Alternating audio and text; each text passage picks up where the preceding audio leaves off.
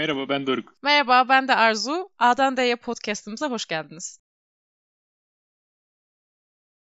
bütün teknik sorunları bir bir aşacağız. Yani sonunda böyle birimizin sesi yokmuş. Bir, bir kişi tek başına böyle kendi kendi hayali arkadaşıyla konuşuyor gibi olmuş falan. Aslında öyle ilginç bir şey de yapabiliriz. Bir hafta işte sadece birinin sesini, ikinci hafta konuşmanın öbür tarafının sesini koyup. Bu bir aslında hafta... çok güzel bir proje olabilir. Hani insanlar hep böyle empati yapın, empati yapın, empati yapın diyorlar ya. Hani böyle karşı taraf ne demiştir diye siz düşünün. Çünkü hani biz size onu söylemiyoruz tarzı. Sosyal sorumluluk projesi çıkardım şu anda. aslında ilginç bir şey olabilir ya. Acaba bir böyle bir şey yapmıyor hiç duymadım böyle bir şey. Çünkü büyük ihtimalle insanları çok zorlar bir saat boyunca tek kişinin konuştuğunu.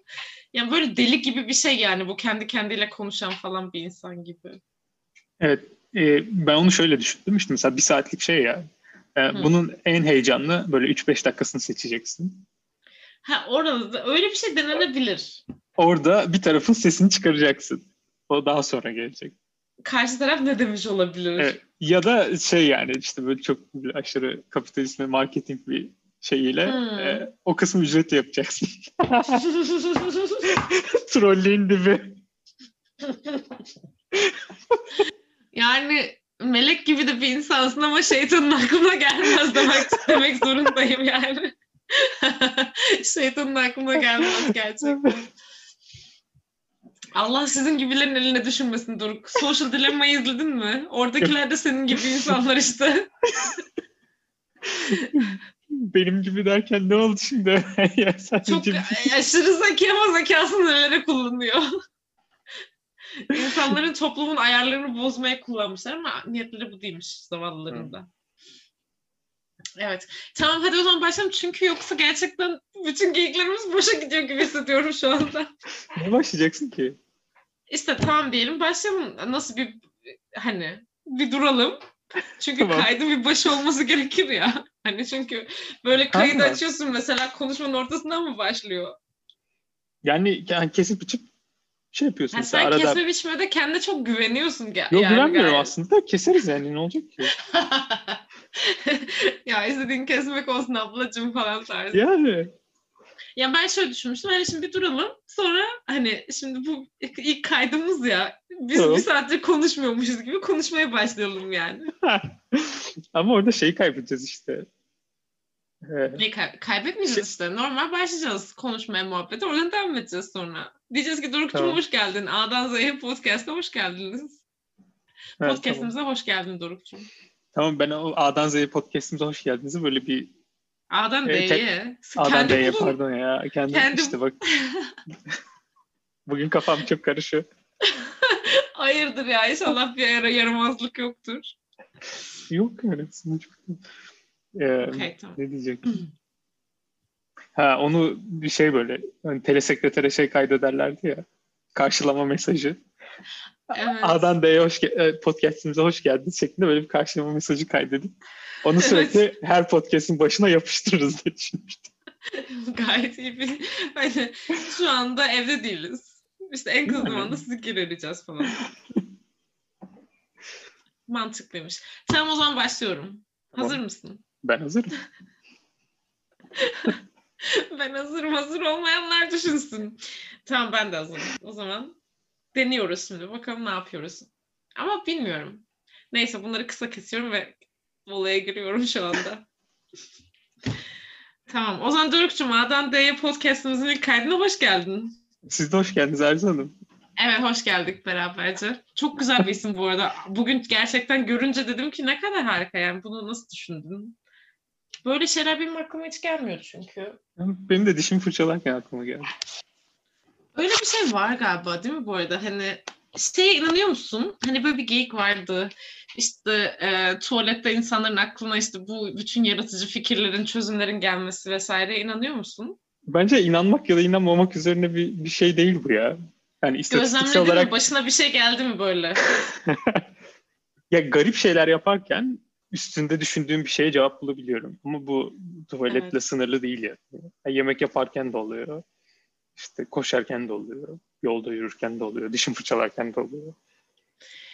Ya bence oradaki olay aslında kafanı hani o sonucunu, cevabını bilmem nesini bulmaya çalıştığın şeyden çıkarıp hani böyle hiç başka bir şeydesin sen ama böyle arka planda bak background demedim.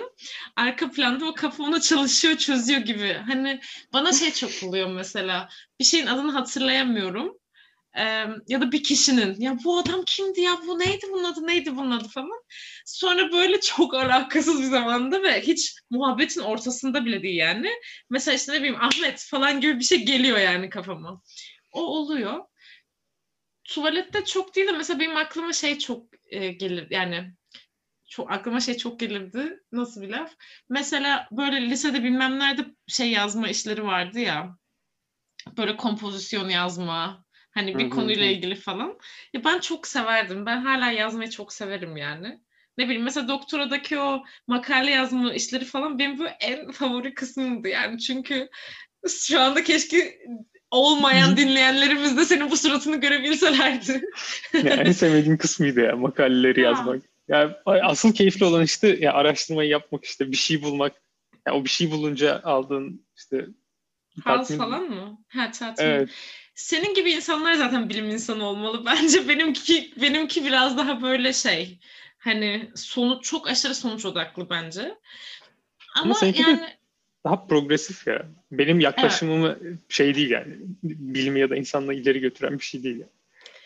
Bundan hiç emin değilim. E, progresif bu arada çok güzel bir e, tanımlama oldu. Böyle teşekkür etmem gereken bir şey. Çünkü hani böyle çığır açan bir bilim yapamadım yani evet tamam bir sürü makale yayınladım falan ama hani böyle insanlığa falan dokunan ya da e, herhangi bir e, şeyin yolunu değiştiren bir etkim olmadı. Ama benim niye makale yazmayı sevdiğim kısmı ya ben şöyle düşünüyorum. Bir kere şudur yani. Hani ben bu bütün bu işlerin hepsini sonuç almak ve bir şekilde başarılı olmak yani başarılı olmak artık neyse. Ee, onun için yaptığım için Şimdi bir kere makale yazabilecek aşamaya geldiysen demek ki senin işin olmuş. Tamam mı? Yani ve bu bilim olayında bu bilim aşamasında ya da bilim sürecinde ne bileyim bilim dünyasında ne kadar sıklıkla olan bir şey ki çoğunlukla hep bir failure yani bence 80 %80-90'ı bu işin yürümüyor yani ancak yüzde onunda zamanın başarılı oluyorsun. Hani o yüzden bu benim böyle çok özlediğim bir şey. Yani o işlerim çok alında gidiyor falan. Ama bununla ee, ilgili şey bölüyorum ama Yok. E, Ersin hocamızı anmadan geçmeyelim bence. Ya. Ersin hocamızı ge- tabii ne diyor kendisi? %99 perspiration, %1 inspiration. Bu kesin, o ne kadar güzel bilenmiş. Ben bunu Abi keşke hiç, doktoranın başında bileydim de. Hiç denk gelmedi. Bunu defalarca söylemiştim mesela bizde sınıflarda, derslerde. Ben, Benim, bence çok iyi bir şeydi yani.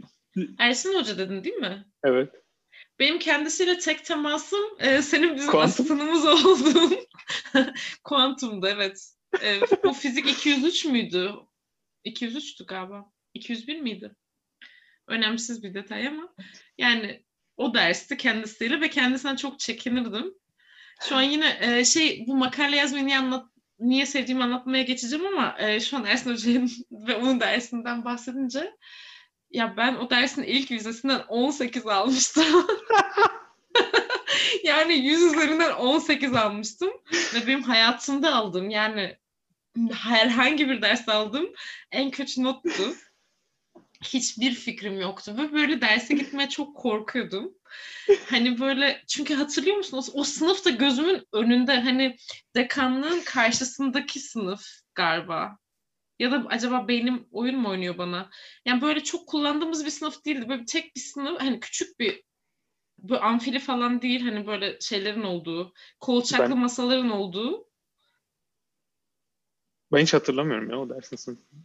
Bu Science'ın ikinci katında e, bu Levent Hoca'nın ofisinin karşısında sanki ama belki kafam tümüyle saçma böyle birkaç sene geçti üzerinden. Önemsiz detay, önemsiz tamam, tamam. detay. Ama o sınıf böyle yani bir oda sonuçta tamam büyükçe bir oda ve hani o kolçaklı sandalyeler var ya ve sınıf bilmiyorum 10 kişi mi 15 kişi mi 20 mi? O civarda. Hani piyangonun sana vurma ihtimali çok yüksek. Yani adam zaten 2 metre ötende dikiliyor ve soru falan soruyordu. Yani hani bir şey diyor mesela cevap vermen lazım. Ve ben böyle bazen o kadar şey ki yani ne konuşuyoruz? Ne konuşuyoruz yani hani şu anda sen kimsin ben kimim ne oluyor burada? Hiç bilemeden o odada oturdum o kadar çok zaman oldu ki zaten tabii ilk vizeden 18 almıştım. Ve ya çok tırsıyordum gerçekten. Allah'ım inşallah bana bir şey demez falan diye gidiyordum böyle sınıfa. Ee, ilginç bir detay. Doktorumun çok önemli bir kısmının böyle bir nevi quantum physics falan ama seninki gibi değil de hani applied experimental tarzı ee, bir şey olması da ilginçtir. Biraz anladım sonunda galiba bütün bu kuantum işlerini. Yani benimki gibi derken benim doktora tezimde de... kuantum kelimesi tek bir kere evet. dahi geçmedi yani. Aa, ama sen bu işleri daha iyi Çok biliyorsun klasik. demek istedim. Yani bir, bir noktada belki biliyordum ama artık. Hiç, artık evet o da var. Ama sonra bu hikayemi bitirmek isterim çünkü bana yine çok gurur veren bir hikayedir. o, o dersi ben ya A ile ya eksiyle geçtim. Finalde çünkü bu sefer finalde herkesin çöktüğü durumda ben çok tırsmıştım çünkü ben 18 aldım yani bu nasıl olabilir? Hani dersten kalmak da zaten ben yani kalsan yerinde olur. Hani geçsen bence saçma çünkü 18 almışsın. ya ben o kadar korkmuştum ki bütün soruları moruları yani ezberleme seviyesi. Yani göz defteri böyle beynime kaydetmiştim. Yani hani ve o sınavdan bayağı 70 küsür bir şey aldım. Ee, ve ortalama çok düşüktü finalin ortalaması. Ve yazdığım şeyler o soruların cevapları da tam olmayabilir. Yani ben ne zaman alakalı bir şeyler görsem e, bunun Türkçesini bilemeyeceğim. De böyle elaborate ettim yani. Hani bu bir test olsaydı kesin kalmıştım. Detaylandırmak diyebiliriz. Ele, elaborate etmek detaylandırmak mıymış? İnanmadım buna. Hoşuma gitmedi.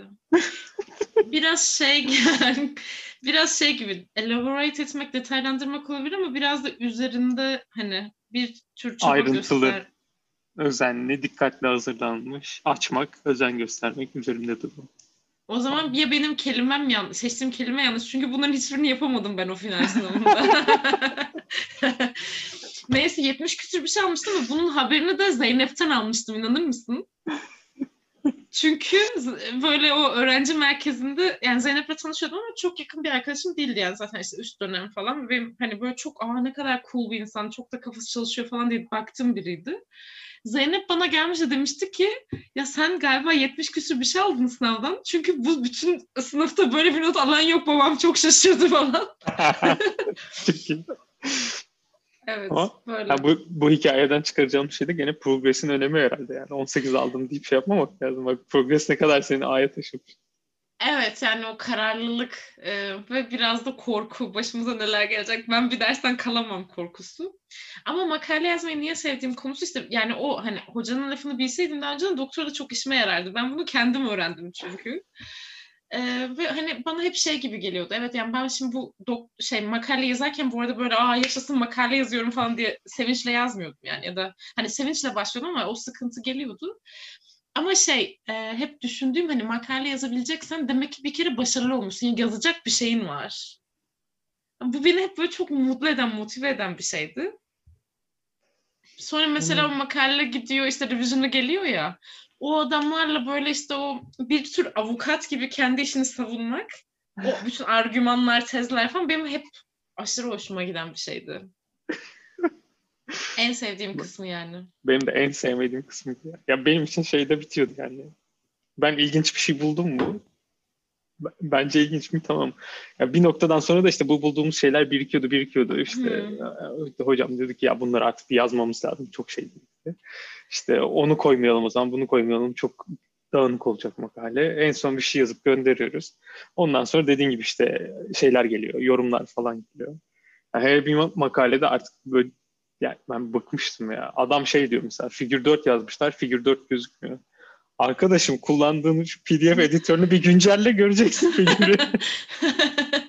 Aa bu çok kötü ama bir de bu kadar üst düzey bir hani konu bu sonuçta. Evet.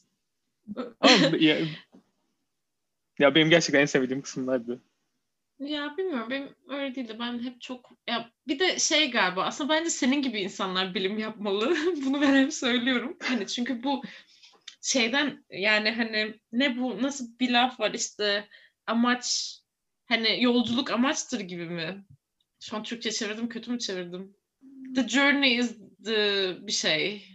Yani bir sonuç odaklı çalışan insanlar var. Bir de işte aradaki proses evet. için bu işi yapan insanlar var. Ben bir proses için şeyim.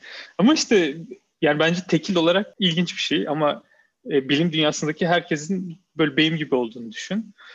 Ama herkes kendi kendine bir şeyler yapıyor. Kimse bunu yazmak, basmak istemiyor. Hmm. E, dolayısıyla şey olmuyor. Bilgi çoğalmıyor, paylaşılmıyor. E, evet, ve ilerlemiyor yani. Hmm. Bir, bir bir şey öbürünün üstüne binmiyor çok fazla. Hmm. O yüzden sonuç odaklı olmak bu tür şeylerde çok daha şey arttırıyor.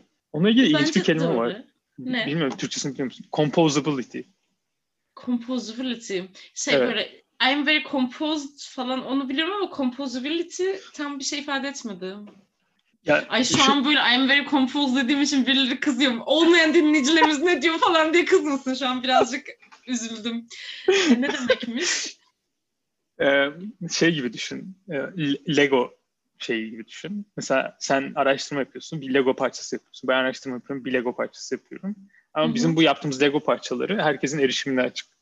Hmm. ilgi olduğu hmm. için. Dolayısıyla başka biri Güzel. gelip bunları bu parçaları kullanarak o Legolardan işte farklı bir şey yapabiliyor.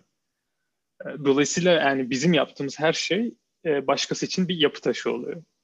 Kesinlikle doğru evet buna katılıyorum. Ya zaten bilimin olayı bu yani yoksa niye makale yazılsın ki?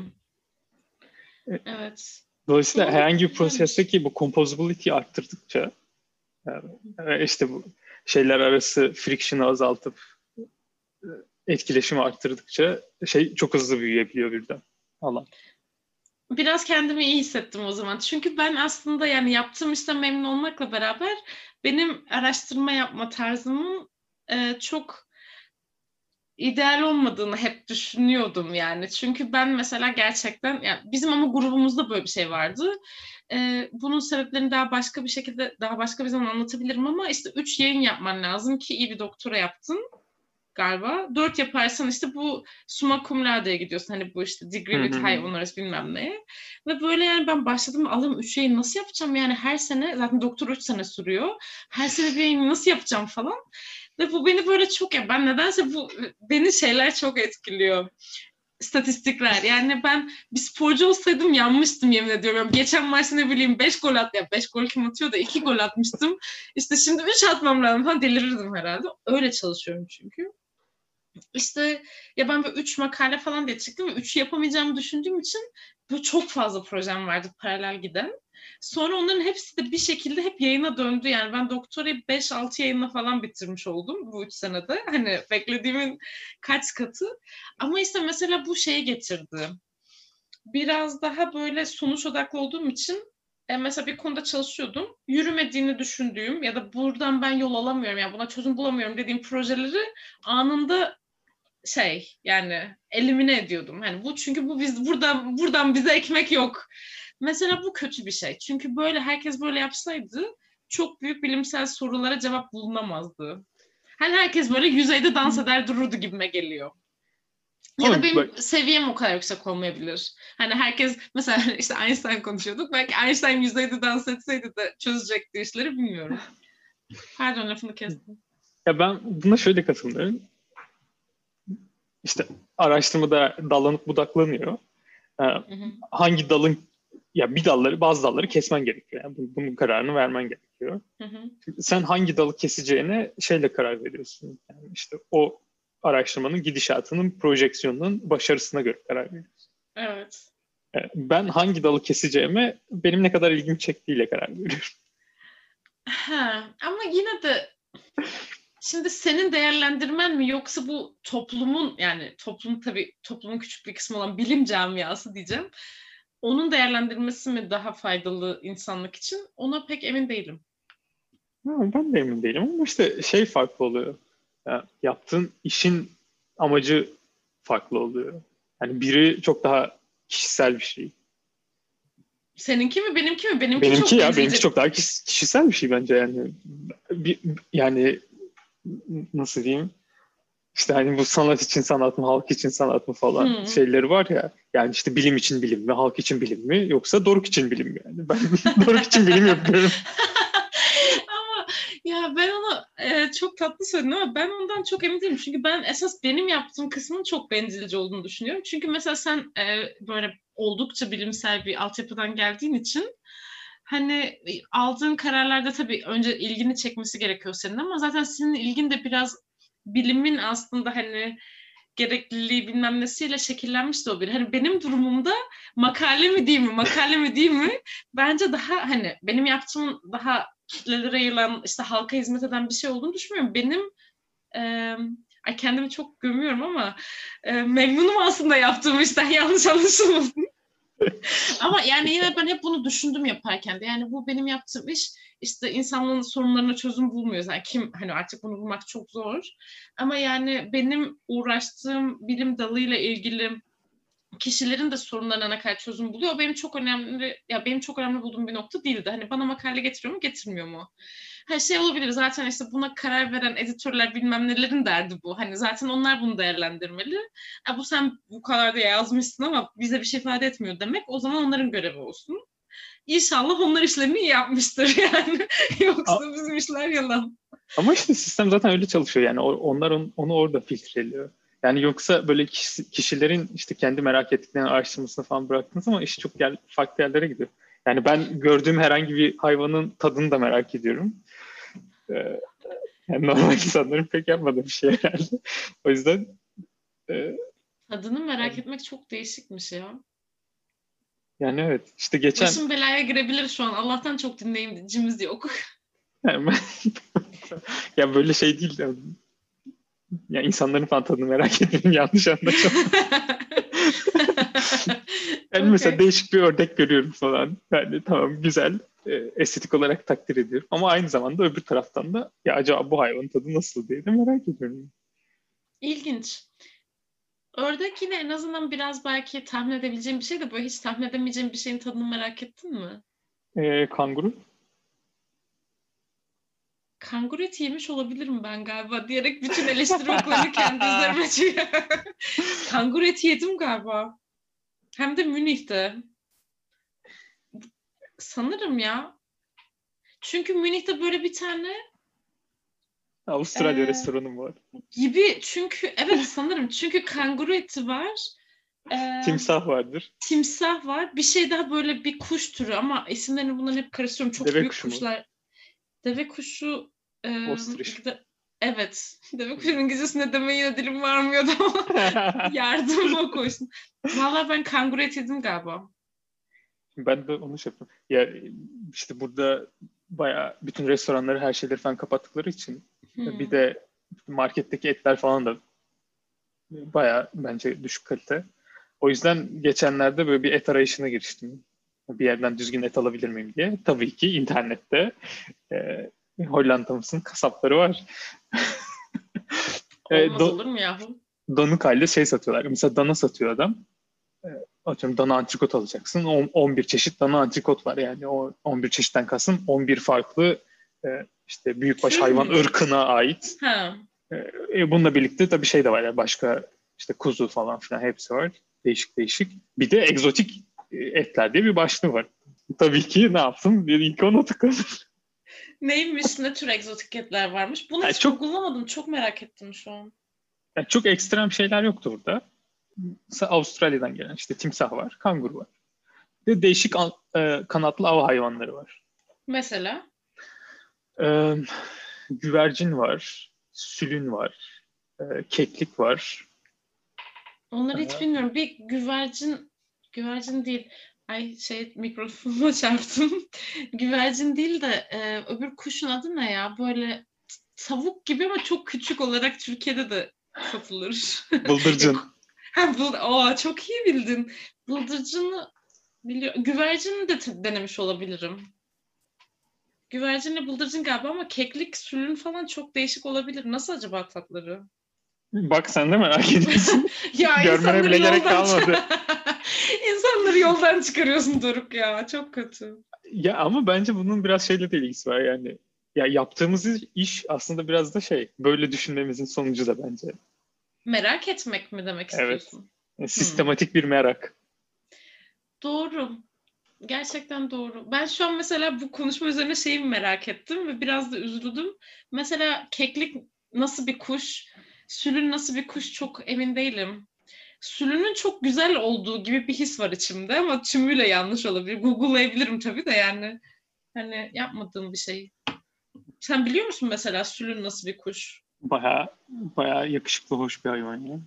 Ben e sülün ben diye arattım çıktı şimdi. Hani, e, tabii canım. Sülün gibi bir insan falan deniyor mu acaba? Sanki... Yani ben şu renk görü halimle bile bir sürü rengini görüyorum. İnanılmaz bir hayvanmış ya. Bir bakayım şu sürüne ben de. Geçen gün konuyu yine dağıtacağım tabii ama sen topla istiyorsan. Yok amacım ee, zaten. Güzel. zaten. Ha, bu arada sürün... kangurularla ilgili ilginç bir şeyler anlatabilirim bayağı. Ha tamam buna geri gelelim. Sonra, sonrasında sülün... geri döneriz. Sülün yazınca Google bana Sülün Osman diye bir şey öneriyor. Evet. Bu ne nedir? Sülün Osman Abi, Türkiye, Türkiye tarihindeki en büyük şey e, konmen dolandırıcı denmez aslında. Sen nasıl bu kadar yani çok saçma bir soru. Sen nasıl bu kadar bilgilisin? Sana sorulmayacak bir Yok, soru çok ama. bilgili değilim aslında. Ben bilmiyorum ilginç. Ya Sülün Osman hikayeleri falan vardı. Ee, bir de şeyi çok iyiydi. Yani bu adam defalarca tutuklanıyor da dolandırılmak suçundan. Ya eski hmm. Türk filmlerinde falan vardır işte Galata Köprüsü'nü satıyor. Aa, evet o tarz. Evet evet o adam. Anladım. Yani bir savunması da bildiğim kadarıyla şey işte hakim şey yapıyor yani bu insanları sen niye dolandırıyorsun diye. o da diyor ki hakim bey ben aslında onları dolandırmıyorum. Onlar beni dolandırmak istiyorlar. O yüzden ben onların paralarını alıyorum dedi. Ama adam haklı aslında. Mesela işte Boğaz Köprüsü ya da işte Galata Köprüsü'nde insanlar geçiyor. ve bu bir arkadaşlarını ayarlıyor. Oradan para alıyorlar her geçenden. E, oradan işte adam bakıyor. O burası iyi para yapıyor. Da diyor ki işte hmm. ya ben de zor durumdayım istersen sana satayım falan filan. O da onu ucuza kapatmaya çalışıyor aslında. Kendi kendine müstahak oluyor yani o insanlar yani aslında, aslında biraz. evet bir taraftan o da onu biraz kazıklamaya çalışıyor. Öyle. Sürün Osman bir sosyal adalet dağıtıcısıdır diyebilir miyiz? Hiç tanımadığım biri için böyle bir cümle kuracağım şimdi. Çok bilmiyorum Aa, Çok ilginçmiş. Sülün bu arada çok güzel bir kuşmuş. Evet onu gördüm şimdi.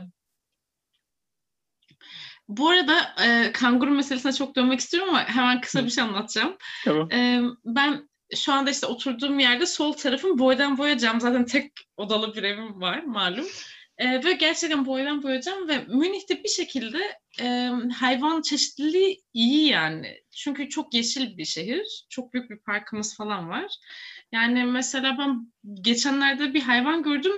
Google'layarak bulmaya çalıştım ne olduğunu. Hala bulabilmiş değilim. Çok değişik hayvanlar görebiliyorsunuz sokakta. Yani hani bu sincap falan gibi değil. Çok değişik hayvanlar var. Gördün ya.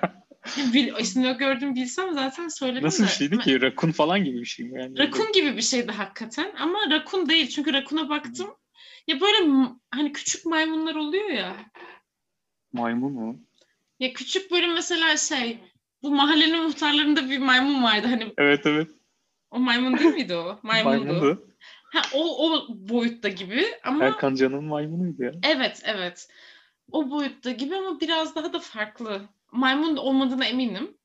Ya maymun ne arası Münih'te zaten hava çok soğuk falan gelir diye yine hiç bilimsel olmayan Aynen. çok kötü bir bilim. Bilmiyorum ee, ama bir burada maymun... acayip papağan var. Papağan olabilir. Bak işte tam ya konuyu yine dağıtıyorum toplayayım. İşte burada oturuyorum. Mesela ay o şey yapamayacağım bu arada. Bir ben şey gördüm ya e, bizim English Garden'da. E, Beaver'ın Türkçesi ne?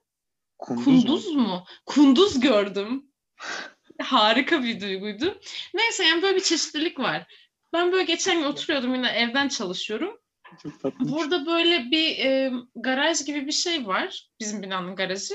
Ve böyle yerli bir değil. Yani böyle bir bir metre, bir buçuk metre falan gibi yüksek bir blok gibi bir şey var. Üstü de böyle ağaç, ağaçlık değil de çalılık gibi bir şeyle kaplı.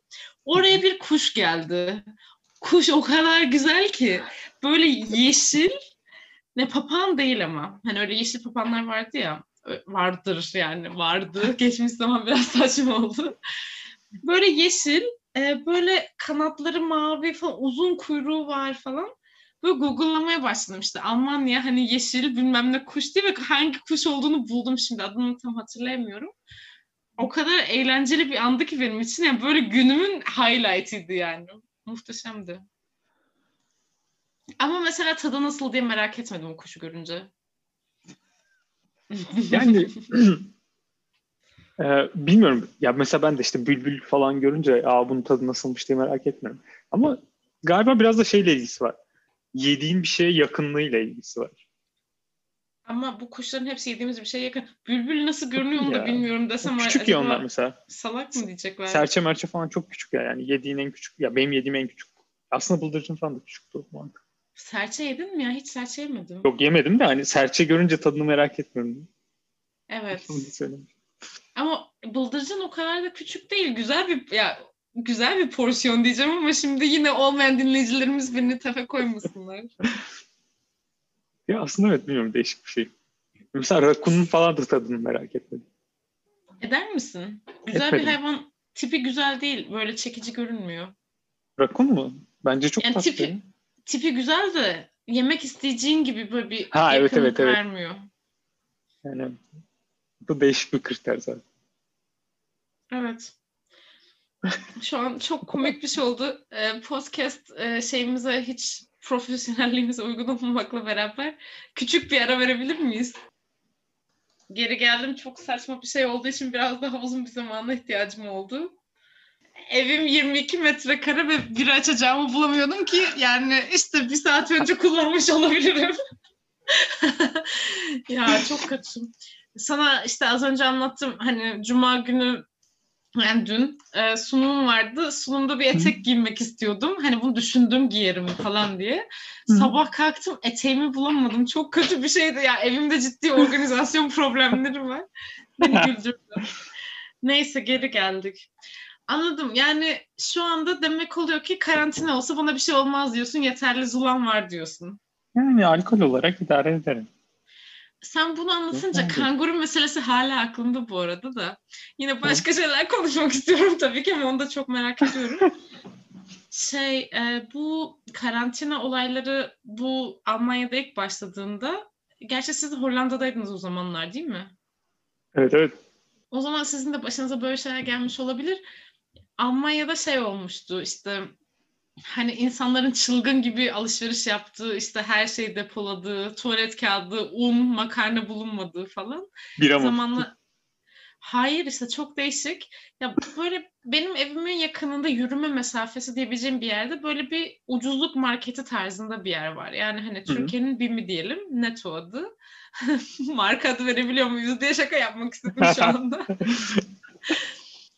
Neyse Neto var ama yani normalde ben mesela Neto'ya gitmeyi çok tercih etmiyordum. Daha güzel yine ucuz olmasına, olmasına rağmen kalitesiyle meşhur Aldi'miz var çünkü. Aldi var, Edeka var falan. Neyse oralara gitmek için ama ya U-Bahn'a şey metroya bineceğim iki durak ya da bisikletle böyle beş dakika sürüyor. Ama işte oralara gitmeye üşeniyordum bisikletle. Hava soğuktu o zamanlar. U-Bahn'a zaten hiç bilmiyordum. Hani yürüyerek oraya gidiyorum hep. Ya bir gün gittim böyle ya çok üzüldüm çünkü ben hani tek başıma yaşadığım için böyle yemek falan zulalayan biri hiç değilim yani. Benim hep yeterli bir yemeğim oluyor 2-3 günlük. Bitince yenisini alıyorum gibi. Bir gittim hiçbir şey yok ve benim evimde de hiçbir şey yok ve yani böyle raflar boştu hani makarna yok işte ben makarna yiyen insan değilim zaten ama hani bari ne makarna abi. Aynen öyle ya. makarna yok işte zaten unun hani bu unla ne yapıyorsun yani sen ne yapmış olabilirsin? Un yok, yağ yok, sebze meyve zaten yok falan. Böyle git, bütün rafları dolaştım. Hani tek amacım yiyebileceğim bir şey almak. Valla hiçbir şey bulamadım. Sıfır yani. Hiçbir şey yoktu çünkü. Ne al ne vardı? Sana onu söylüyorum. Kahve, e, bira ve şarap. Raflarda tek kalmış olan şey buydu. Ve ben hani Alman insanların az bira tükettiğini asla düşünmüyorum. Bence burada alkol çok, ya Hollanda'yı çok bilmiyorum. Bence Almanya'da alkol tüketimi çok fazla. Ve yani bence endişe verebilir ama bir şekilde insanları da yani toplumu çok kötü etkilemiyor olsa gerek ki yani Almanya'mız işin başında. Neyse işte ben yani oraya gittim. Hiç de ne kahveye ne biraya ne şaraba da ihtiyacım yoktu ama dedim ki ben yine bunlardan alayım çünkü bir daha geldiğimde belki bunları da bulamam. Öyle sonra işte kahve, bira ve şarap aldım o marketten çıktım. Mesela kendimi o kadar böyle keş falan gibi hissettim ki. Neye bakıyorsun şu anda şaşırıyorsun? Yani kişi başı alkol tüketimine bakıyorum. Sence Almanya dünyada kaçıncı? Kaç, hiçbir fikrim yok ama iyi, iyidir bence. Yani ilk 5, 10, 20, 30, 40. şey bilemiyorum hangi ülkelerde çok alkol tüketiyor ama şimdi senin önünde de data var. Ben yine sana karşı her zamanki gibi daha az bilgisiz ve e, şey konumdayım ama. Ya, benim tahminim şey olurdu işte kuzey ülkeleri. Kuzey ülkelerinde çok pahalıdır ya. Olmaz. İskandinav- İskandinavya'yı falan sen iyi biliyorsun. Daha iyi biliyorsun benden. Yani İsveç'te, Norveç'te, Finlandiya'da kim buluyor da içiyor diye düşünürüm. Ya doğru onda da haklısın. Ya benim aklıma böyle bir bir şekilde böyle Birleşik Krallık ülkelerinde yüksektir gibime geldi. Maalesef. Değil midir? Ya, çok şu an sınavda gibiyim. 25. Yani... 25. sırada. Almanya mı? United Kingdom. Almanya ha. 23. Ay yine iyiymiş. Benim beklediğim yani iyiymiş dediğim daha düşük seviye şey sıradaymış. Kimmiş birinci? Belarus. Aa tabii onların şeyi belki ama Vodka. ne bileyim ama vodkayı da çok fazla da içe hani birayı daha çok içebilirsin litre bazında. Yani ama şey Slavik şeyler ülkeler açık ara önde gidiyor bak. İlk beşi sayıyorum sana. Belarus. Moldova, Litvanya, Rusya, Romanya. Altı da Ukrayna. Ya adamlar Değişik. ilk altı ilk altı tamamen şey. Biraz böyle hani educated guess var ya onun tersi bir şey olarak uneducated guess yaparak iklimle falan alakalı bir şey mi bu? Bence olabilir ya. Yani iklim ve herhalde hayatın renksizliğiyle falan da alakalı. Ya bunu ilginç buldum. Ya bu ama bu arada litre bazında mı yoksa alkolün hani yüzdesi bazında mı? Çünkü onlar şimdi mesela ee, bir shot vodka içiyordur zaten senin o bir birana yok, denk geliyordur. şey yapıyor yani e, alkol yani net alkol miktarına indirgiyor her şeyi. Atıyorum bira içiyorsan yüzde altı ile çarpıyor. Gibi. Evet. O yüzden bence mesela Almanya 23. sırada olabilir diye düşünüyorum. Çünkü yani benim burada çok dikkatimi çeken bir şey mesela yani eğer alkol tüketmeyen biri olsaydım ben sosyal hayatım gerçekten negatif yönde etkilenebilirdi. Çünkü yapılan bütün sosyal aktiviteler bir şekilde içki içmekle alakalı ve bu böyle şey değil yani hani içelim, coşalım falan gibi değil yani. Mesela ne bileyim şey var. Bunun için terimler var. Mesela fire, e, Feierabend Beer. Feierabend şey demek. E, hani mesai bitimi birası. Çok iyi. Ya böyle bir konsept vardı ki hani bu böyle mesai bitimi sanki şey gibi ya hani ne bileyim böyle büyük ne bileyim inşaat işçisi falan gibi hani böyle fiziksel bir iş yaptın da mesai sonunda bitirdin falan gibi değil yani mesela doktora da böyle bir şey vardı. Hani akşam altı buçuk yedi gibi biri böyle lablara gelip işte Feierabend bir falan diye bağırıp böyle insanları ve bizim mesela üniversitede kendi şeyimiz vardı. Böyle küçük bir oda, bira depomuz ee, yani böyle birayı herkes işte birayı alıyor sonra bir çizelge oraya bir çizgi atıyorsun. Ayın sonunda kaç tane şeysen onu ödüyorsun gibi. hani böyle süpermarket fiyatına ama hani bira senin ayağına gelmiş. Hani üniversiteye gelmiş. Ee, hep öyleydi. Yani yapılan mesela üniversitede kesinlikle öyle. Çok yani öğrenciysen değil de mesela doktora da falan çünkü kendi alanın var ya mutfağın var vesaire. Bira yani Feierabend bir, bir önemli bir kavram. Onun dışında da işte mesela akşam biriyle buluşacaksın. Şey yani hani e, klasik şey e, let's go for a beer. Hani bu değil ki git hani bir işte kahve içmeye gidelim değil yani hani bir bira içmeye gidelim. Ve ben o yüzden mesela şeylerin e, tabii bunun çok büyük bir problemi çok küçüğe indirgiyorum ama ne bileyim daha böyle e, tutucu ya da hani İslam'a dayalı tutucu ülkelerden gelen doğru bir kavram mı bilmiyorum da yani işte Ama muhafazakar insanların, içki içmeyen insanların. Ah muhafazakar aradığım kelime. Bunu böyle beş kelimeyle anlatıyordum yani işte İslam'a dayalı. cevizi. evet aynı o tarz. Ee, mesela o insanların sosyalleşmesinin de çok büyük bir engel bence bu. Doğru aslında haklısın. Ama şey ilginç e, yani genelde kültürlerin böyle etraflarında dolandıkları bir içecek oluyor mesela. Belki Türkiye için çay bence buna güzel bir örnek. Benim aklıma ilk rakı gelmişti ama acaba alkol konuştuğumuz için mi yoksa bende mi bir sorun var? Yani benim de aklıma ikinci olarak rakı geldi ama işte bu biraz şeyle alakalı işte hani akşam şuraya gidelim mi falan şeklindeki muhabbetlerde hmm. rakı daha şey. Ama onun dışında mesela gün içindeki bütün Tabii. şeyi düşün. Ya mesela bir, bir herhangi bir dükkana yani biri geliyor. Çay içer misin? Yani ilk soru. Ya ne zaman bir şey beklemen gerekse çay içmen gerekiyor Türkiye'de. Evet. Evet bir şey beklesin çay içer misiniz? Ve bana bu hep biraz aslında ben çay içmeyi çok seviyorum. Hani sen de biliyorsun zaten. Ya ben gerçekten çay çok çok seviyorum. Ama böyle bir dükkana gittim. Biri bana çay önerince böyle birazcık keyfim kaçıyor. Çünkü çok uzun bekleyeceğiz burada hissi geliyor bana. Hani burada işimiz uzun. hani çay e, içeriz, kahve içeriz, üstüne su içeriz falan gibi geliyor. Ama dikkat edersen neredeyse hiçbir kültürde su değil herhalde bu şey. Yani mesela işte Türkiye için çay olabilir. Hı hı. E, Almanya, Orta Avrupa için bu biradır. Yani belki işte Akdeniz ülkelerinde şaraptır. Olabilir evet. Ama su çok basit bir şey gibi belki. Ama yani şu anki zamanın koşullarıyla mı düşünüyorum acaba? Evet, bence öyle. Hani böyle çünkü ben şimdi evime biri gelse mesela su içer misin desem kendimi kötü hissederim. Çünkü hani hiçbir çabası... E, burada çeşmeden içiyoruz zaten.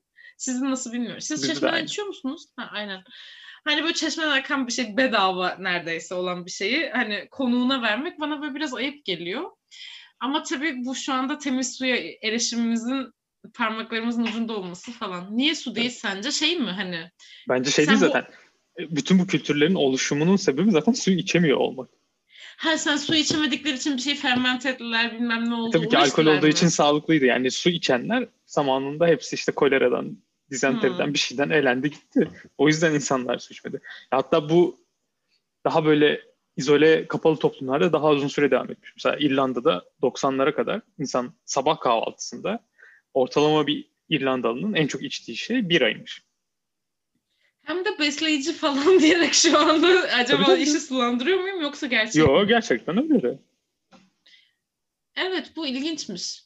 Ya bana mantıklı geliyor bu. Hani temiz suya ulaşım çünkü çok büyük bir altyapı gerektiren e, bir şey aslında. Çünkü insanlar hali hazırda şehirde yaşıyordu yani suyun kaynağının başında yaşamadığın zaman temizlik olmadığı durumda yani hijyen tesisatında belki Zaten, tesisatında yoktu. Ya aslında bu şeymiş işte şehirlerin büyüklüğünü sınırlayan şeylerden bir tanesi. Hmm. Yani orta çağlarda falan metropollerin çok olmamasının sebeplerinin en büyük sebeplerinden biri o. Popülasyon büyüyor büyüyor. Bir yerden sonra kanalizasyon sularıyla içme su kaynakları bir şekilde birbirine karışıyor. Salgın hmm. hastalık ve popülasyon çöküyor. Bu, evet. Bunu bunu sustain edebilen az sayıda kültür var işte mesela uzak doğuda sustain edilmiş. Çok büyük metropolik şehirler. Sustain dediğin için kendi şey, kötü hissediyorsun evet. şu anda. Bunu başarabilmiş demek istiyorsun. E, devam ettirilebilmiş ya da yaşatılabilmiş büyük şehirler. Tercümemi de beğenmedin ama evet haklısın. devam. E, o da işte şey e, çay mesela. Yani suyu kaynattıkları için çayla çay yaparak metropol boyutunda şehirleri yaşatabilmiş insanlar mantıklı şey de böyle değil mi? Ee, hani büyük önemli şehirlerin hep bir su kaynağı kenarında kurulmasının da bununla bir alakası var herhalde. Kesinlikle. Sadece bu mu yoksa biraz da ulaşımla, ticaretle de alakası var mı onu da bilmiyorum. Belki ya ya onlar da var. Alakalıdır. Bunların olmadığı zamanlarda da gerçi birkaç şey önem vermişler. Mesela Tuz etrafında kurulan da epey şehir var. Münih'imiz de böyle bu arada. E, bazılarının ismi falan hala kalmış işte. Salzburg falan hmm. gibi evet. Başka neresi var ki acaba? Emin değilim. Şu an seni challenge ettim. Haklısın aklıma gelmedi. Bilmiyorum. Yok ya şaka yapıyorum. Seni nereye challenge edeceğim ben? Ee, evet tuz ticaretten gelen hani bunun bir para kaynağı olmasıyla alakalı mı söylüyorsun? Hmm. Bence sudan sonra o zamanlardaki en büyük ihtiyaç tuzdu. Çünkü Neden? Muhafaza besin, etmek için mi? Evet. Hmm. Soğutma sistemi bir şey yok. En büyük şey bozuluyor. Hı hı. Ve sürekli o besini üretemiyorsun. Üretebildiğin süre kısıtlı. O kısıtlı Doğru. sürede üretip bütün senede onu bir şekilde şey yapman lazım. Zamanda taşıman lazım yani. Hı hı. O da tuzla. Evet. Ya bu tür şeyler çok ilginç bence. Yani e, çünkü ne bileyim günümüze gelmiş yani şu anki durumda düşünürsek işte su çeşmeden akıyor temiz iç içebildiğin kadar falan. Ama hani iş nereden başlıyor nereye evriliyor yani bu bence çok ilginç bir şey. Ya işte şey gibi ya diferansiyel denklemlerde çözüm başlangıç şeyine durumuna çok bağlı. Initial condition Türkçesine bilmiyorum. Initial condition. Evet. Ba- başlangıç durumu. Neyse arkadaşlar. E, sen daha iyisin benden bu konuda. Şeyi ya yok işte aklıma... bunlar teknik terimler işte. Dedim ya şey hep senelerce... aklıma geliyor fotosal, ışısal neydi senin tezin Türkçesi? Onu diyecektim işte fototermal yani üstüne tez yazıp senelerce üstüne çalışıp Türkçesinde en son tezin şeyinde öğrendim. Işıl ısıl. Işıl ısıl tedavi. Ha, ışıl ısıl tedavi. Ben bu geçen konuşmamızda benim hep aklımda kalan bir şey. Bugün hatta düşündüm neydi bu çocuğun tezinin Türkçesi diye. Ee, bilemedim. Işıl ısıl tedavi. Tedavi de çok Türkçe değil aslında herhalde. Değil tedavi tabii. daha... Şeye uymuyor EA var. Farsça, Arapça gibi mi? Oluyor? Herhalde. Bilmiyorum. Türkçesi ne peki? Otama. Ne? Otamak. Otama hiç duymadığım bir kelime. E, otacı, otacı var. Otacıyı biliyorum da otacı, otamak. Şu anda Bence yine bir şey daha geliyor. öğrendim. Bilmiyorum tahmin ediyorum yani. Ben iyileştirme derdim. Daha öz bir Türkçe gibime geldi. Yani evet. Doğru. Otacı o muymuş? Otamak. Ya, yanlış şeyleri açtım ya. Aradığımız konumdan turengi vermiyor direkt. İlk saçma sözlüklerde veriyor. Ee, otamak, ilaç vererek hastalığı iyileştirmek, tedavi etmek. Çok iyi ya. Böyle bir kelimeyi bilmen çok iyi. Saygı duydum. Otacının bu olduğunu bilmiyordum. Ee, tedavi. Evet. Ya çok değişik. Türkçe pro, Türkçe problemi yani dili sevmemize rağmen ben bu konuda iyi olduğum ya ben kendimin bu konuda iyi olduğumu düşünmüyorum maalesef.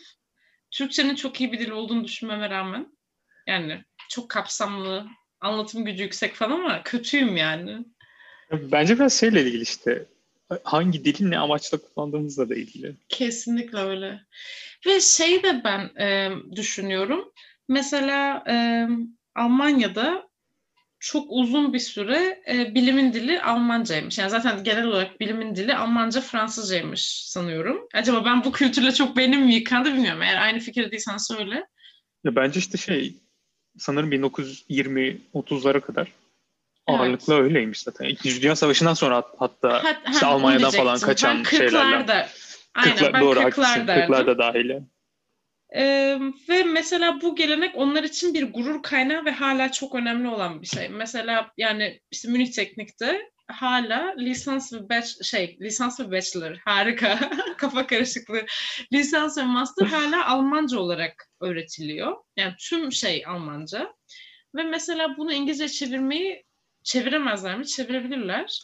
Gerçekten tercih etmiyorlar. Çünkü bunun hani eğer bir dilde bu öğretilmezse mesela bununla ilgili kavramların gelişemeyeceğini, bununla ilgili terimlerin altının boş kalacağını, bu kültürün kaybolacağını gerçekten düşünüyorlar. Ve bunu o kadar net görebiliyorsun ki işte benim burada ilk yaptığım master programı İngilizceydi. Çok nadir programlardan biriydi. Ta 8 yıl önce. Ve ya mesela çok ciddi adamlar yani gerçekten başarılı, aşırı bilgili profesörler geliyor mesela ders vermek için. İngilizce konuşuyor ya.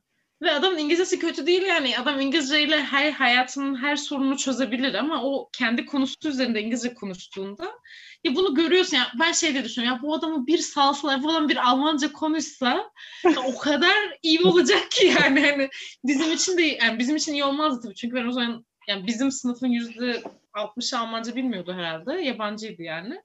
Ama adamın sıkıldığını görebiliyorsun. Yani adam çünkü anlatmak istediğini, anlatmak istediği seviyede ve detayda, içerikte anlatamıyor. Yani bu dil onu gerçekten kısıtlıyor. Çünkü o konuda yorum yapamıyor, bir şey yapamıyor falan. Ya bu kesinlikle doğru yani. O yüzden hani dili niçin kullandığın meselesinde bu Almanya için bir tür zararlı bir şey. Çünkü mesela uluslararası çok iyi öğrencileri Almanya bu sefer kaçırmış oluyor Amerika'ya bilmem nereye. Hani iş gücü kaybı oluyor Almanya için. Ama diğer yandan da e, dili ve kendi kültürü için bayağı da faydalı bir şey. Bence de.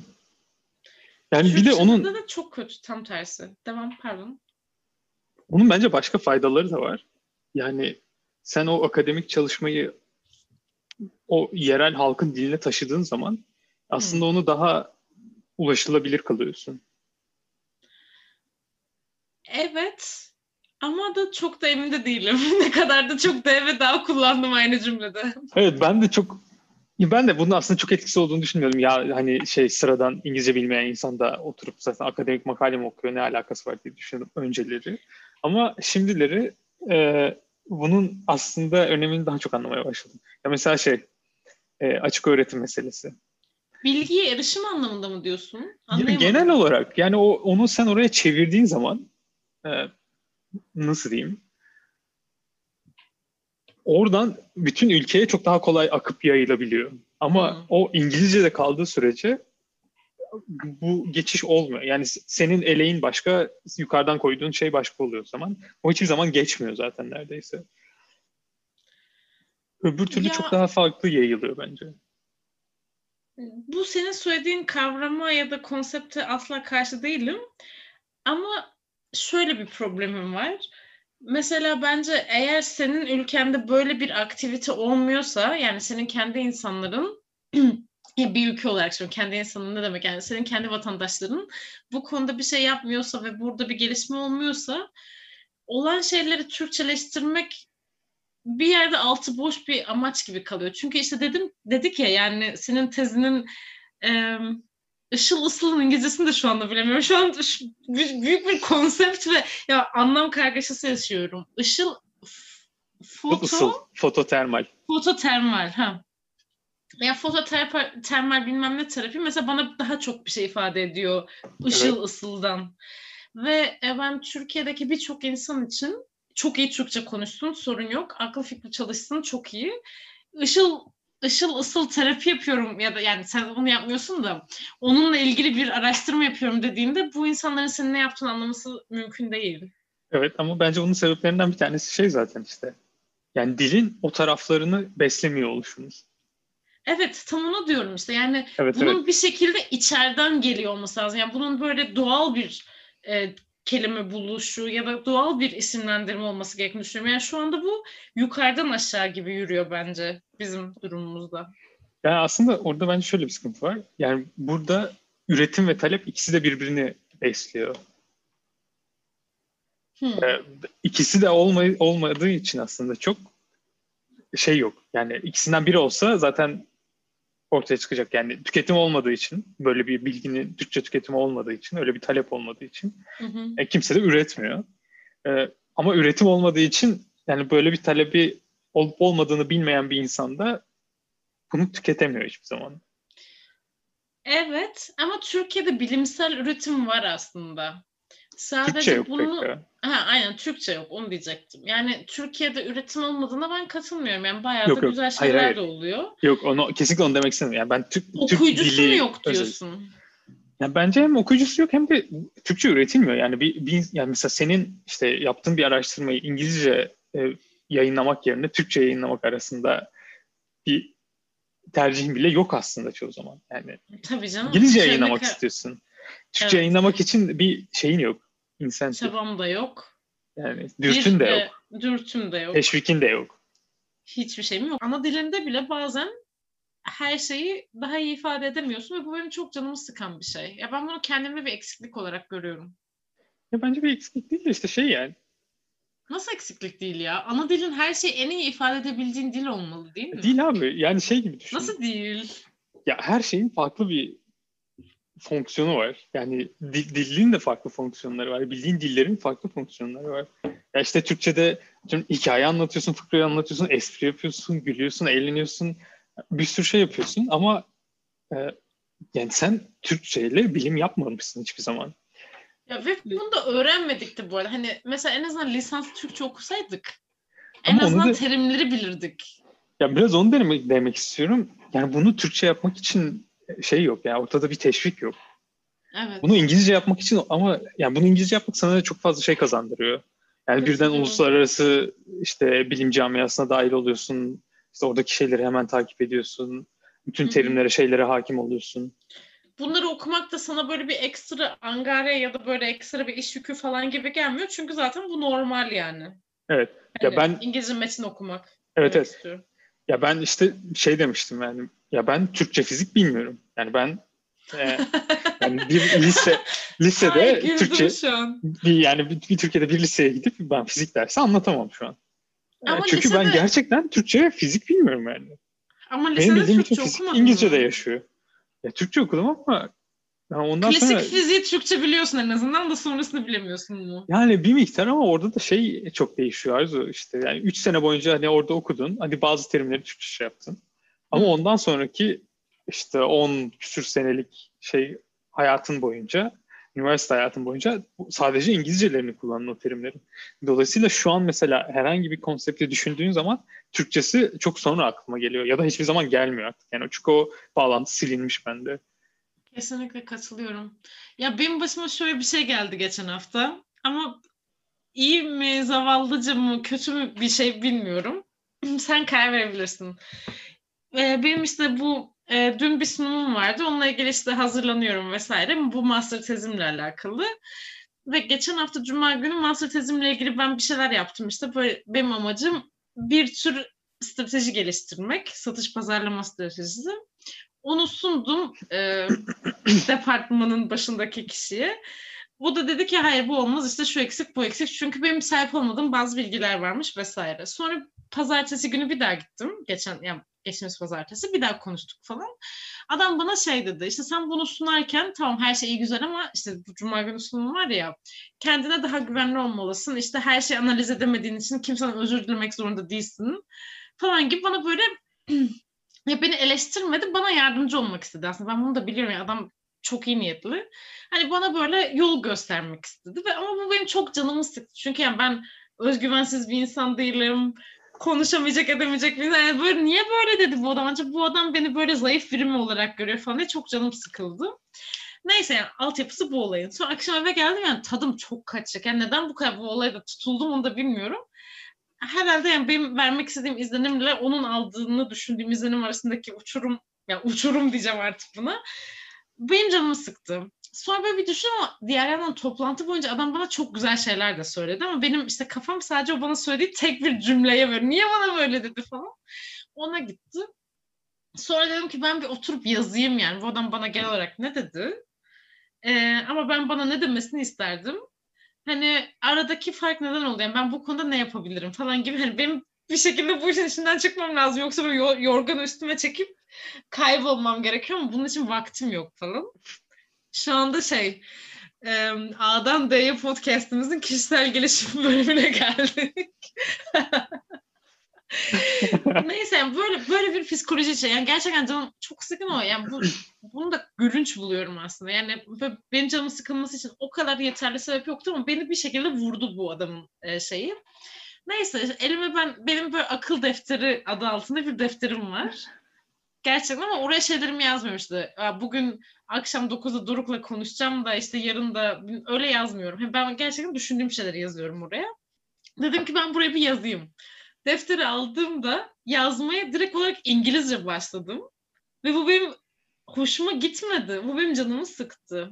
Yani çünkü duygu durumumu hani e, böyle şey de yazmak yazmaya başladım. Hmm, işte what did he say? What would I want that he would say falan gibi böyle başladım. Yani hani bu gerçekten Türkçe yapman gereken bir hesaplaşma aslında. Canım çok sıkıldı buna. Ne diyorsun? Ya ben çok katılmıyorum. Neye katılmıyorsun? Ya. Adama mı katılmıyorsun? Evet, Özgüvenli canım... olduğumu mu söylüyorsun? Ya tabii ki canım onlara katılmıyorum. Bunlar hiçbir şey değil de. Benim beynimde bazı konular İngilizce yaşıyor. Bazı konular Türkçe yaşıyor. Ama yani, bu konu çok insani bir konu. Bu bilim fark değil etmiyor. ki. Ama yaklaşımın, yaklaşımın çok bilimsel. Ha. Ondan mı oldu diyorsun? Benim canım çok sıkıldı. Ben dedim ki kendi duyguların nasıl ana dilinde yüzleşemiyor olabilir? Yani bu çok duygusal bir şey. Yani bu benim çok canımı sıktı. Ben niye bunu kendi ana dilimde yapmıyorum diye benim biraz canım sıkıldı. Sonra bu arada kendimi zorlayarak Türkçe tuttum o notları. Ya, ya Arzu şöyle de bir durum var şimdi. Sen ana dilim diyorsun da e, yani hayatının yaklaşık yarısını ya İngilizce eğitim veren bir kurumda hmm. ya da e, yani yabancı bir ülkede geçirdin. Evet. Üçte birine yakınlı ama yani 8 yıl oldu. 30 yaşındayım işte. 3 kere 8 kaç yapıyor? Yok olmadı. Dörtte bir mi demem lazımdı? Neyse, Dörtte çok... birine yakını diyelim. Ama total totalde baktığında işte yani evet. üç, üçte biri aslında beyninin başka bir dil içinde yaşadığı evet. Şeylerde geçirdim. Ya, dolayısıyla buna gayet normal.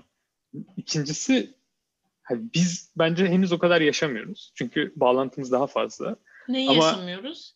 E, ana dilimizin yani çünkü biz sen mesela 8 sene öncesinin ana dilini aslında e, hmm. şu an yani konuşuyorsun, yaşıyorsun gibi. Hani uçağa teyyare demiyorum ama hani o evet. aşamadayım ya gibi. Evet. evet. Yani bizim evet. yani çünkü ana dil dediğin şeydi. Yani o da bir dil ve o topluluk içinde yaşıyor. Hı hı. Yani biz Doğru. o topluluk içinde yaşamadıkça aslında bizim içimizde yaşayan o dille e, topluluğun genelinde yaşayan dil arasında farklılık artıyor. Ya doğru. Hani sen diyorsun ki bununla ilgili kendi kötü hissetme. Buradan aldığım ya cevap hiçbir, bu. Kesinlikle. Bence hiç kesinlikle kötü hissedilecek bir şey yok. Ya dediğim gibi işte bence ya bilmiyorum bir psikolog ya da işte nörobilimci falan bunu çok daha detaylı kesinlikle irdelemiştir ama yani benim kendi deneyimim e, benim beynimde bazı şeyler e, Türkçe yaşanıyor, bazı şeyler İngilizce yaşanıyor. Ya bazı konseptler sadece İngilizce'de var. Yani bazıları sadece Türkçe'de var. E, bazı şeyleri İngilizce, mesela çok ilginç bir şey. Bir şey anlamak mesela bazen İngilizcesini okuyorsun e, ve Türkçesini okuyorsun. İngilizcesini okuyup anlamak bana çok daha kolay geliyor bazı şeylerin. Bazı şeylerde tam tersi. Yani Türkçesini oku, oku, okuyunca anlamak çok daha kolay geliyor. Benim için de bu böyle biliyor musun? Mesela ben e, roman vesaire yani edebi bir şeyi keyif için okuduğum zaman kesinlikle Türkçe okumayı tercih ediyorum. Keyif için yani boş zamanımda İngilizce bir şey okumak bana böyle angarya geliyor. Sanki bu bir işmiş gibi geliyor. Çünkü yani bence bu dil benim beynimde okulla, işle e, birebir bağlanmış bir şey. Mesela İngilizce Öyle kitap mi? okuyor musun mesela boş zamanında?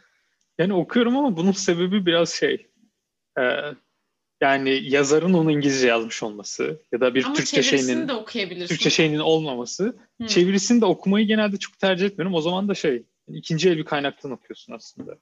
Hı hı. Ama ben yine de e, bunu bile bile çeviriyi okumayı tercih ediyorum. Yani en azından çünkü çok da kötü çevrilmediyse artık ne demek istiyorsa anlarsın da hani belki o edebi değeri tadı değişmiş olabilir. Yani burada çok farklı fikirler olduğuna inanıyorum ama ya ben İngilizce bir kitap okuyamıyorum. Biraz şeyle ilgili. Yani ben aslında çok edebi şeyler okumadığımla ilgili. E, hmm. Dolayısıyla mesela adam bir bir fikri anlatıyor. E, ben onu e, adamın ağzından direkt dinlemeyi tercih ediyorum. Peki sence bu fikir Türkçe'ye çevrildiğinde e, nitelik değiştiriyor mu? Yani arada o giren kişinin bu fikre bir etkisi çok olabiliyor Bence mu? Bence kesinlikle yani, var. Çünkü şey Bana daha değil. böyle tangible şeylerde daha az olurmuş gibi geliyor. Yani tangible diyorum şu anda. Türkçe bilmem nesi savunuyorum. Rezalet. Elle tutulur şeylerde yani böyle dataya, veriye dayalı şeylerde risk daha az gibi geliyor. Ama işte adam bir fikri anlatıyor. Fikir dediğin şey çok somut bir şey değil. Hmm. Ee, dolayısıyla yani mesela bazı şeylerde dönüp dönüp adamın yazdığı satırları birkaç defa okuman gerekiyor. Ya da mesela bir kitabı ben bir kere okuyorum 3-5 sene sonra tamam ben de değişiyorum ama şey yani o kitabı tekrar okuduğum zaman bazen aynı fikirleri aynı cümlelerle okurken da, daha derin bir şey anlıyorum. Evet. Buna katılıyorum. Yani bence senin durumun şey de değil yani senin bilgi seviyen vesaire de değil sadece. Senin duygu durumun bile okuduğun şeyden ne çıkardığın konusunda çok etkili bir şey. Yani ama mesela işte ne bileyim dediğin gibi ya, edebi bir şey okurken ya da mesela bir şiir okurken falan İngilizce bana çok böyle anlamsız ve kuru geliyor. Ben İngilizce bir şiir okuyabileceğimi düşünemiyorum bile. Yani ben şiir okumayı çok... Yani ben Türk edebiyatındaki şiir kısmını çok seviyorum. Yani Türkçe şiirleri gerçekten seviyorum. İngilizce ha. şiir okuyup İngilizce şiir bana çok biraz çok biraz garip geliyor. Yani bayağı bir garip geliyor. e, haiku ya aslında ben de aslında böyle İngilizce şiir haiku falan. Haiku ne ya? Haiku. E, haiku bir, bir, bir şey e, Japon şiiri. Ee, çok e, kısa oluyor genelde ve şey. Ha, şey, şiir tarzı mı? U- evet, mu evet, yani? Evet Yani ben Hı-hı. aslında haykuların falan İngilizcelerini okuyorum. Kısadan kasıt ne? Kaç mısra oluyor? Kaç satır dört, oluyor? Dört satır falan. Şimdi sana bir tane şey yapacağım. Mane gibi bir şey diyebilir. Japon manesi diyebilir miyiz? Yani genelde böyle şey yapıyor. Ee, gördüğü, yani bir gözlemi mesela böyle kristalize ediyor. Yani adam hmm. sana dört satırda ve kısa satırlarda bir şey anlatıyor.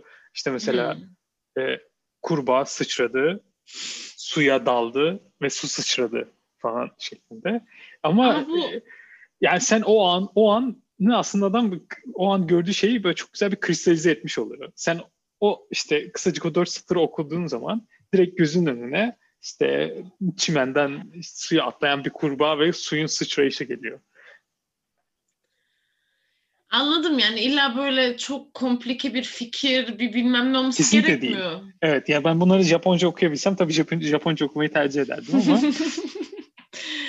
ne yapacaksın be Onur? Yani ne yapacaksın Doruk'cum? Bu da zor. Evet. İşte kısmet.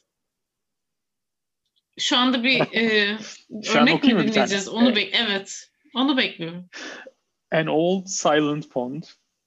A frog jumps into the pond. Splash. Silence again. Bu kadar. Ya işte bilmiyorum bu tür böyle bir şey seni tatmin ediyor mu? Mesela beni hiç tatmin etmez böyle bir şey. Evet sonra ne oldu derim yani ben. ben galiba ya. bende bir bozukluk var bence bu konuda.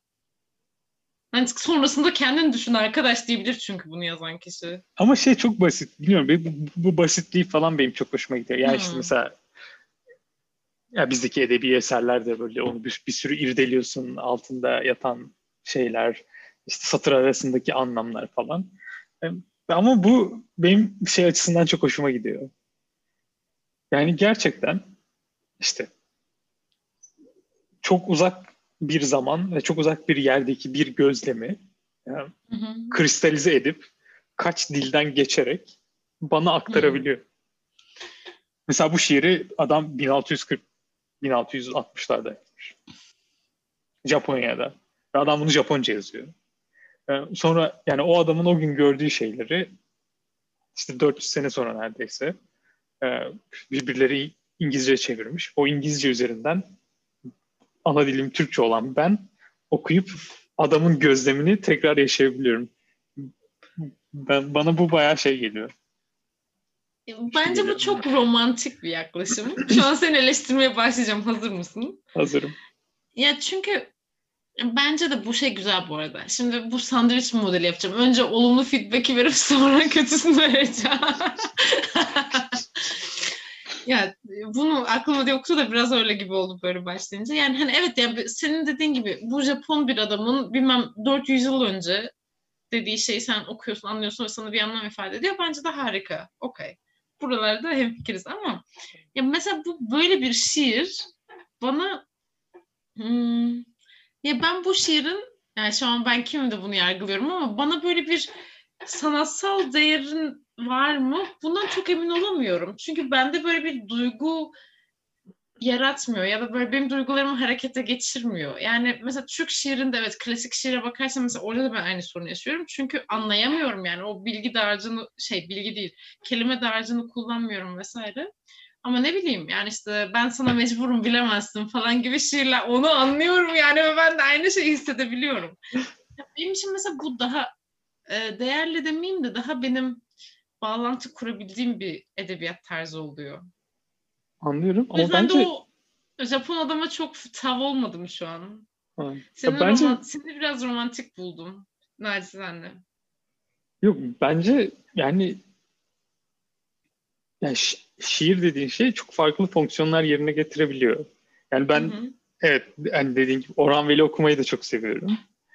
Ee, ama o daha böyle nasıl diyeyim insanın hissi tarafıyla ilintili bir şey. Ama bu, bu Japon adamın yazdığı şiir tarzı yani Hayeku'nun şeyi e, ya şöyle düşün mesela şimdi bunu YouTube'da bir video olarak izleyebilirsin.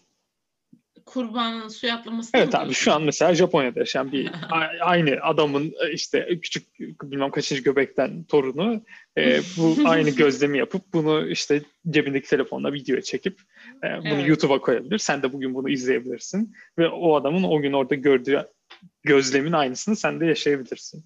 Ama bu, bu, bu buradaki şey e, adam bir şey görüyor ve bunu zamanda kristalize ediyor. Fotoğrafını yani, çekiyor gibi diyorsun. Ya evet fotoğrafını çekiyor gibi. Ve şey yani bu e, bunu inanılmaz bir verimlilikle yapıyor. Düşünsene ya adam 3 satırda işte hmm. toplasan 20 kelimede bunu bunu sana böyle çok net ve şey bir şekilde anlatabilir. O yüzden kristalize etmek bence bu şey tarzı için çok güzel bir şey. Yani hmm. bir hani işte kristal işte katı bir hale getiriyorsun. Ya bir İkincisi, de böyle çok net falan evet. gibi mi? Evet. Yani şeffaf net. Ya bu bakış açısını anlıyorum ve çok güzel buluyorum.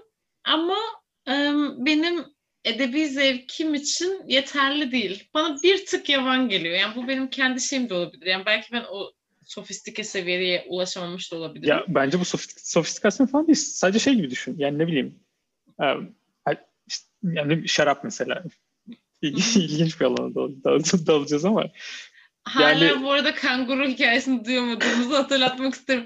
Bu arada bu podcast olamaz. Yani bence biz bunu yine yapamadık. Çünkü 5 saat olan bir podcast olamaz yani.